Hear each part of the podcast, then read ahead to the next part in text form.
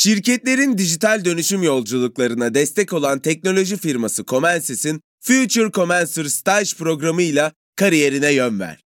Comensys kariyer sayfasından son başvuru tarihi 22 Mart. Açıklamalardaki linkten hemen başvur, tutkunu uzmanlığa dönüştür. Salus online terapinin yanında size özel ücretsiz içerik planıyla kişiselleştirilmiş bir deneyim sunuyor. Siz de nefes ve farkındalık çalışmaları, meditasyonlar ve çeşitli egzersizlerden faydalanabilirsiniz.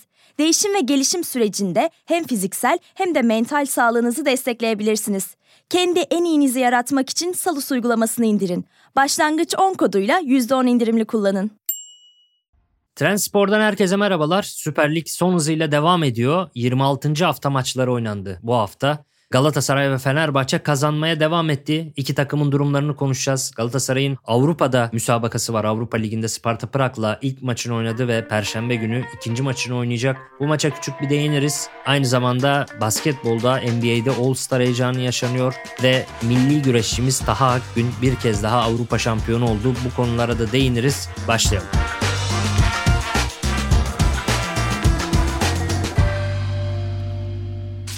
Öncelikle lider Galatasaray'la başlayalım. Bu haftayı da kayıpsız geçti ve Ankara gücünü 3-0 yendi deplasmanda. Oldukça zor olması beklenen bir maçtı. Ankara gücü zemininin çok kötü olduğu konuşuluyordu haftalar boyunca ve Galatasaray zorlanmadı. İyi bir galibiyet aldı. Aslında ilk 10 dakika itibariyle Ankara gücünün de bir şutu var. Muslera'nın sağ alttan oldukça iyi çıkardığı ve sonra Alisov'un offside nedeniyle sayılmayan da bir golü var. Fakat daha sonra Galatasaray son haftalarda birçok kez yaptığı gibi duran top silahını kullanarak kilidi açmış oldu.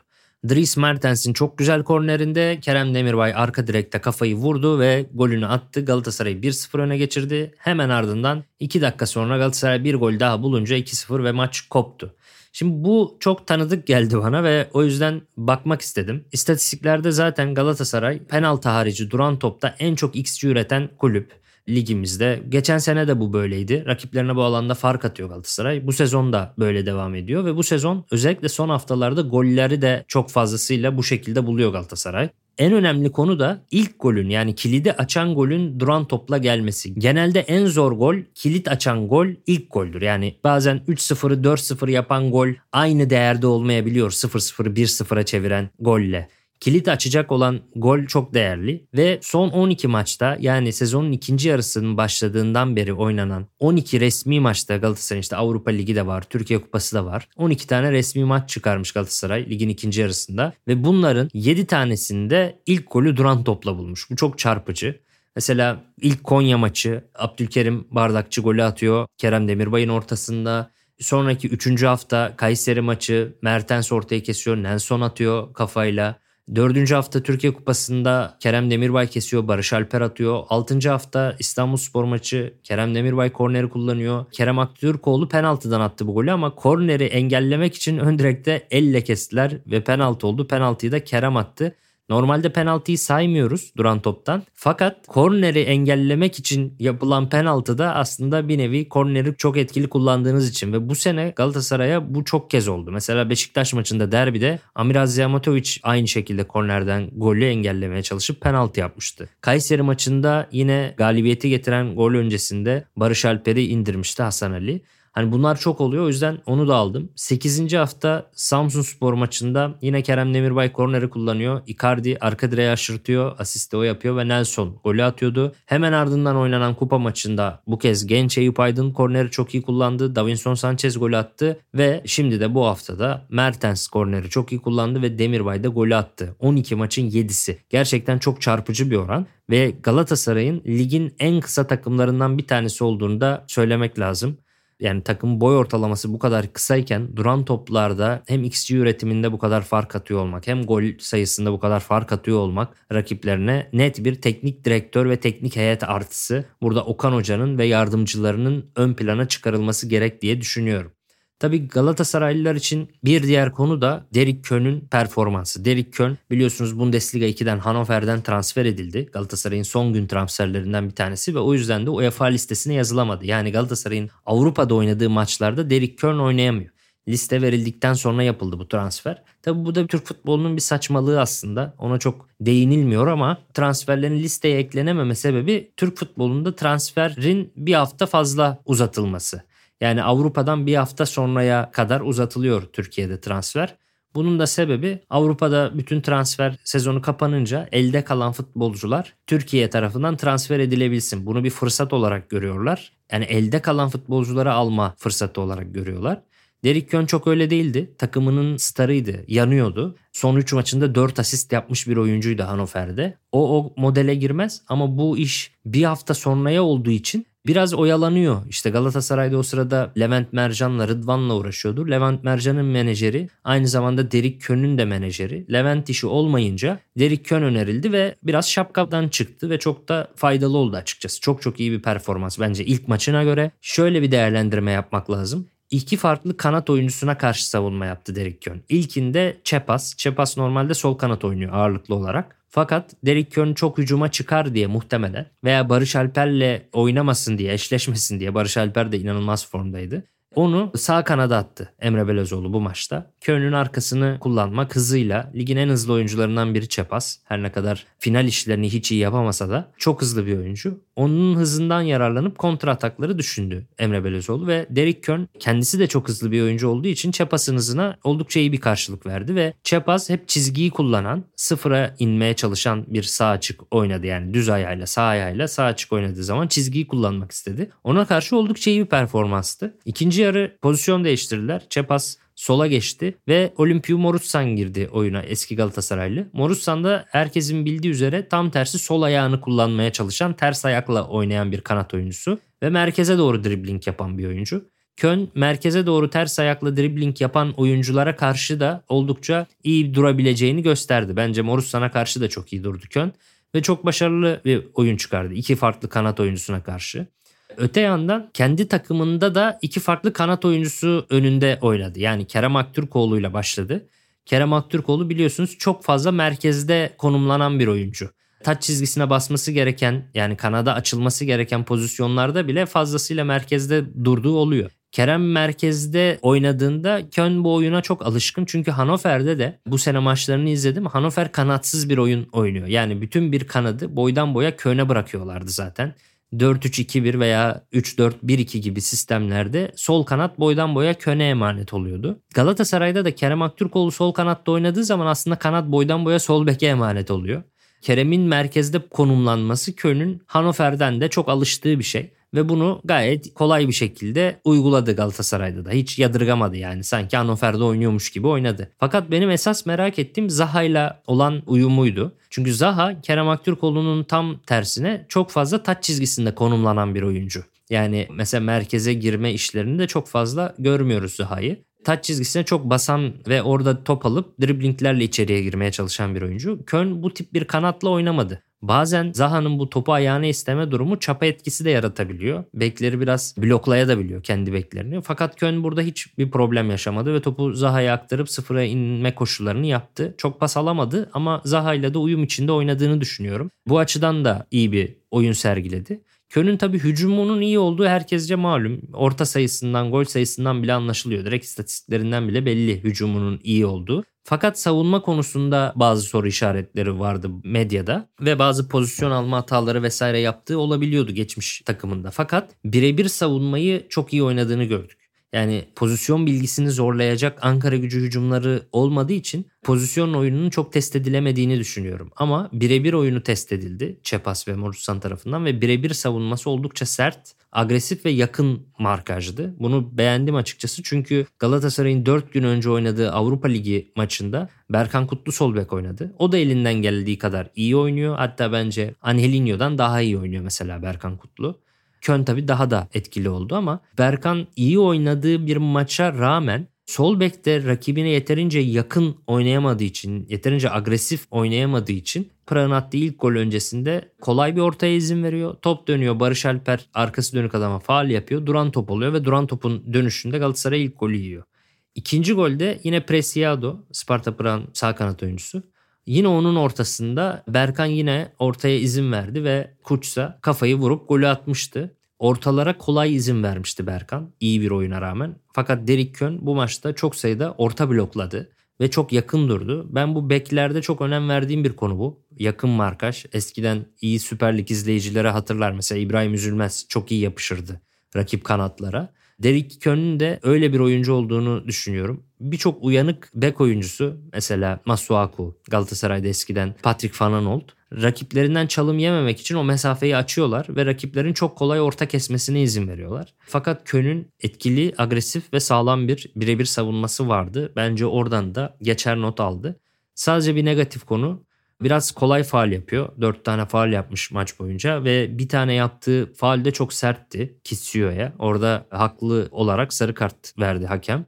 Bunlara da biraz daha dikkat etmesi lazım. Çok anlamlı bir hareket değildi o. İkili mücadelelerde yani çok sertti. Ona da dikkat etmesi lazım tabii. Hiç aslında ilk maçı olduğunu hissettirmedi. Bence takıma çok çabuk adapte oldu. Bunu sahada da gösterdi. Bence hem bir hücum beki yani bu hücum beki olduğunu oyun içerisinde net bir şekilde gösterdi. Bence savunmada da doğru hamleler yaptı. Birebirlerde doğru işler yaptı. Karşısında da Sepas gibi tabii ki birebiri iyi bir oyuncu olmasına rağmen, hızlı bir oyuncu olmasına rağmen bence savunma görevini de doğru bir şekilde yaptı yaptı. Performansından memnunum. Tabii ki üzüntümüz Avrupa'da onu kullanamıyoruz. Yani bu bizim için bu performanstan sonra biraz daha üzüntü olacak tabii. Tabii Perşembe günkü Sparta Prag maçını da konuşalım. Çok önemli bir maç. Deplasmana gidecek Galatasaray ve sakatlarla ilgili sıkıntılar var. Okan Hoca Abdülkerim Bardakçı ve Kaan Ayhan'ı oynayabilecek gibi görüyoruz dedi. Ağrıları olduğu o yüzden de Ankara gücü maçlarına hiç götürmediler. Direkt Prag deplasmanına gidecek bu iki oyuncu. İkisi de oynayabilirse büyük ihtimalle Kaan Ayhan sağ bek, Berkan sol bek yine başlayıp Davinson ve Abdülkerim şeklinde bir savunma dörtlüsü göreceğiz Prag'da. Biliyorsunuz Nelson da cezalı. Kalede tabi Mustera. Orta ikilide Torreira Kerem Demirbay'ı, sağ kanatta Barış Alper'i, sol kanatta Kerem Aktürkoğlu'nu, 10 numarada Mertens'i ve Santrfor'da da Icardi'yi görürüz diye düşünüyorum. Abdülkerim veya Kaan'dan bir tanesi bile olmazsa da Barış Alper sağ bek, sakat olmayan isim Abdülkerim veya Kaan stoperde ve sağ kanatta da Tete'yi görebiliriz gibi geliyor. Yani bu maçta Zaha sonradan da oyuna girdi ama Tete kadar iyi bir performans sergileyebildiğini söylemek zor.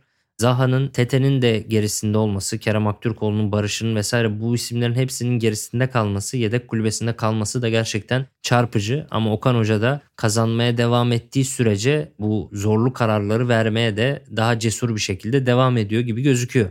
Burada bölüme küçük bir ara veriyoruz. Döndüğümüzde devam edeceğiz. Alanında lider teknoloji şirketi Comensis, mühendislik, tasarım, ürün geliştirme, test mühendisliği ve bulut gibi alanlarda staj yapmak üzere 3. ve 4. sınıf öğrencilerini arıyor. 8 Temmuz'da başlayacak ve 6 hafta sürecek programa Comensis kariyer sayfasından son başvuru tarihi ise 22 Mart.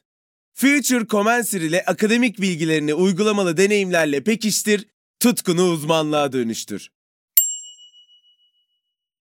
Salus uygulamasında klinik psikologların yanında online görüşme yapabileceğiniz farklı uzmanlar da var. Çocuk gelişim uzmanı, diyetisyen veya fizyoterapist. Bu sayede değişen ihtiyaçlarınıza uygun beslenme, egzersiz ve sağlıklı yaşam rutinleri oluşturabilirsiniz. Salus uygulamasını indirin ve başlangıç 10 koduyla %10 indirimden yararlanın. Detaylar açıklamalarda ve salusmental.com'da.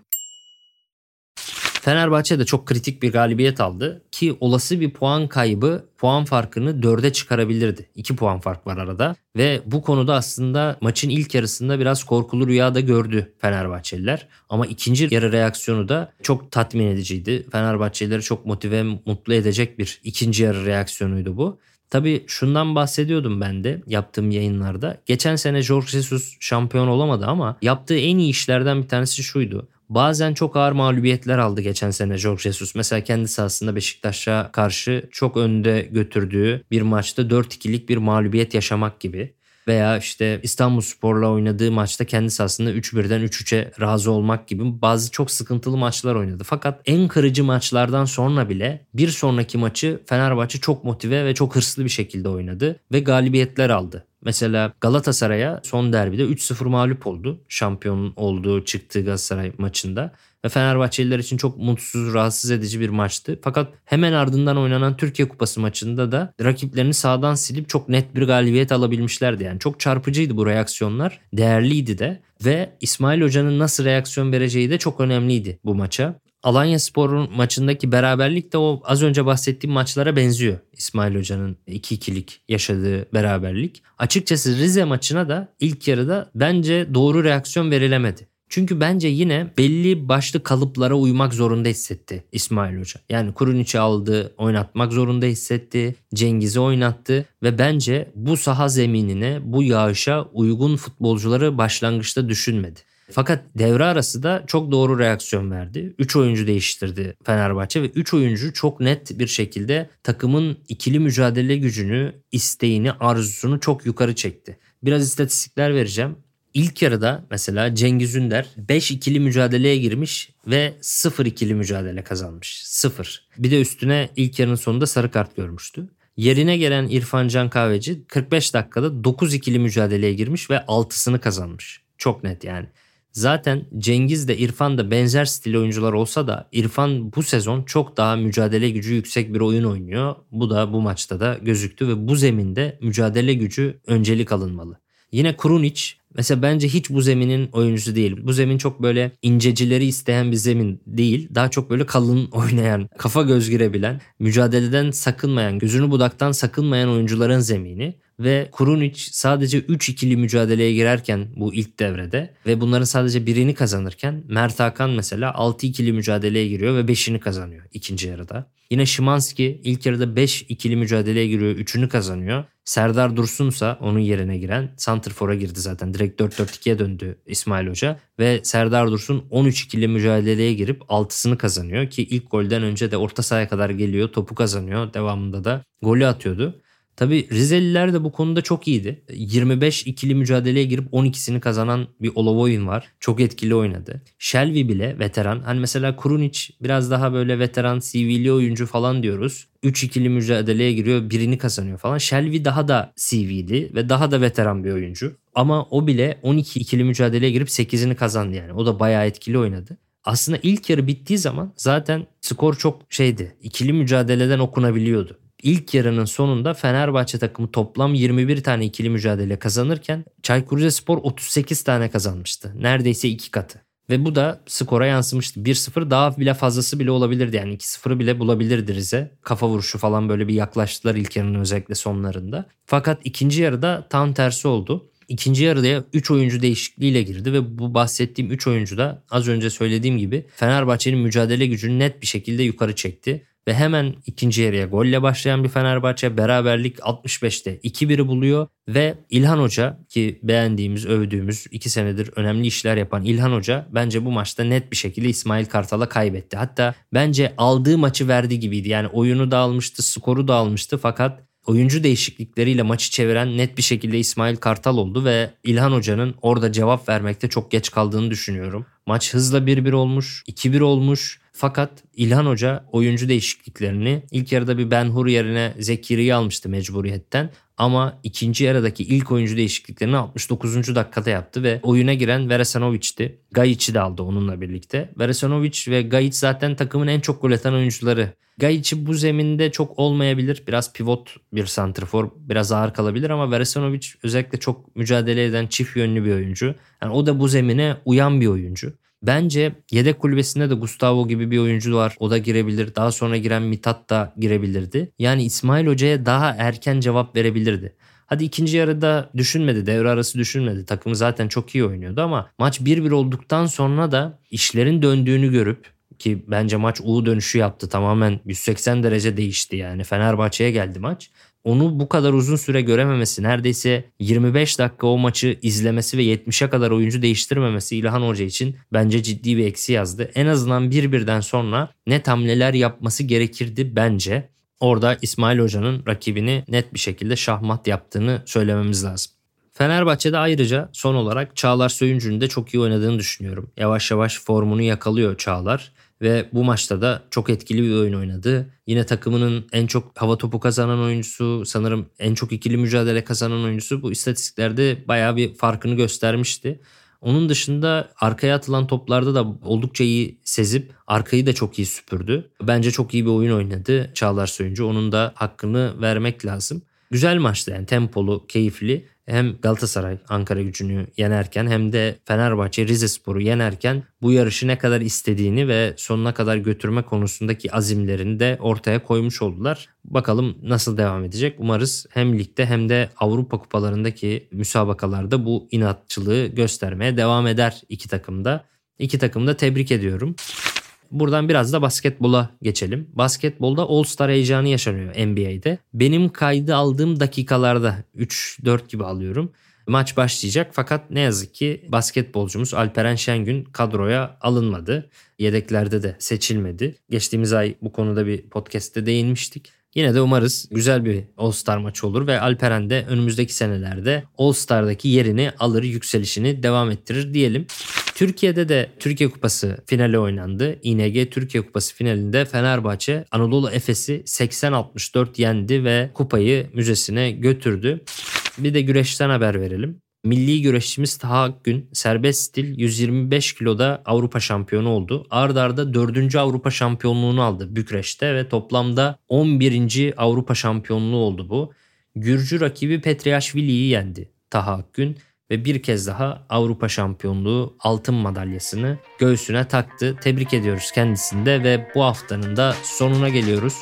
Dinlediğiniz için teşekkür ediyorum. Gelecek hafta gündemle birlikte yeniden karşınızda olacağım. Görüşmek üzere, hoşçakalın.